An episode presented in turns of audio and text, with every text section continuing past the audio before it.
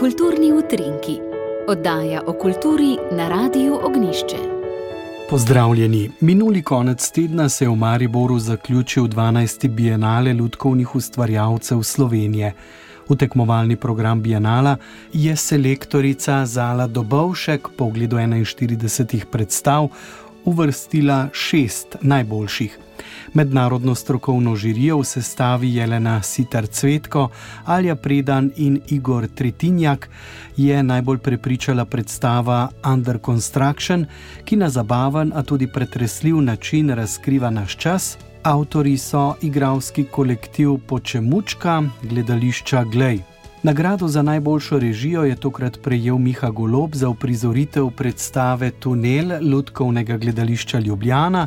Tokrat je v fokus postavil svetlobo, jo dramaturško osamosvojil, maksimalno razigral in zaokrožil v skladno, jasno in kompaktno predstavo, ki z lahkoto pritegne najmlajše gledalce v živo komunikacijo, je izpostavila žirija.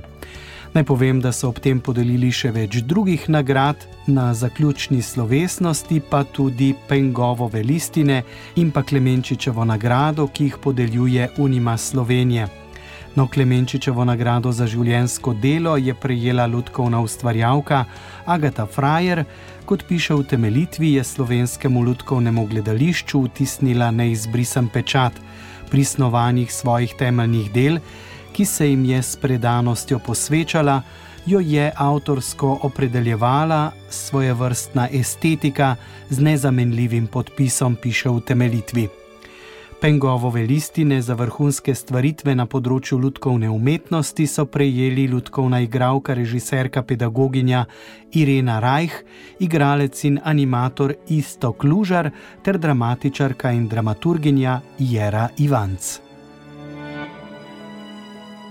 Od 13. do 16. septembra bo na Filozofski fakulteti v Ljubljani potekala tretja konferenca Evropske zveze za azijsko umetnost in arheologijo. To bo dogodek, ki je pomemben tako v slovenskem kot v mednarodnem akademskem prostoru, saj bo gostil vrsto uglednih strokovnjakov z področja azijske umetnosti in arheologije, ki prihajajo iz Azije, Amerike in Evrope.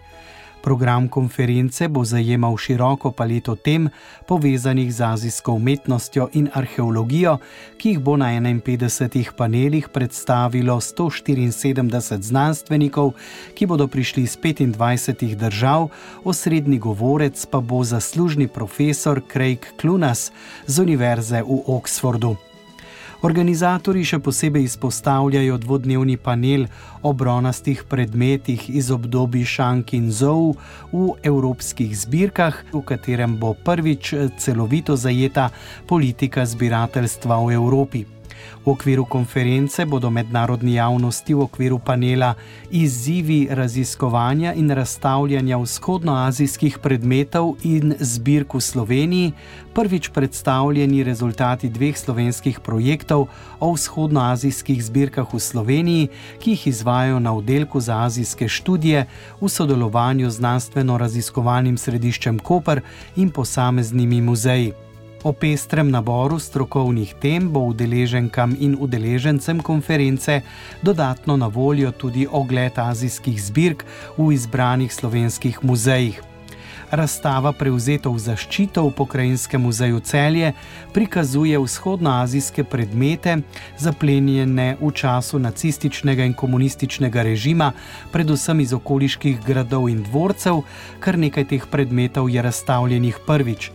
Razstava v Pomorskem muzeju Sergej Mašera v Piranu, kanček Daljnega vzhoda, prikazuje predmete, ki so jih pridobili pomorščaki, ki so v 19. in začetku 20. stoletja na avstro-ogrskih vojaških in trgovskih ladjah potovali v vzhodno Azijo. Poleg tega v Slovenskem etnografskem muzeju trenutno poteka projekt restauriranja okrasnih predeljnih sten iz lesenega modela kitajske hiše iz Kuškove zbirke in tudi ta projekt si bodo udeleženke in udeleženci konference lahko ogledali. Po Evropskem parlamentu v Bruslju in državnem zboru v Ljubljani bo razstava o Borisu Pahorju na ogled zdaj tudi v Narodnem domu v Trstu, v večjih pisarniških prostorih v Pritličju, ki jih je Fundacija Narodni dom pridobila nedavno. Tako se pisatelj simbolično vrača v kraj, ki je globoko zaznamoval njegovo življenje in pisanje. Obiskovalci si bodo lahko ogledali Pahorjeva dela, prevode nekropole v različne jezike, prevode njegovih romanov v italijanščino, nekatere pomembnejše nagrade in odlikovanja, ki jih je prejel, nekaj njegovih osebnih predmetov in tipkopisov, ki jih je podaril po njemu imenovani knjižnici na Proseku.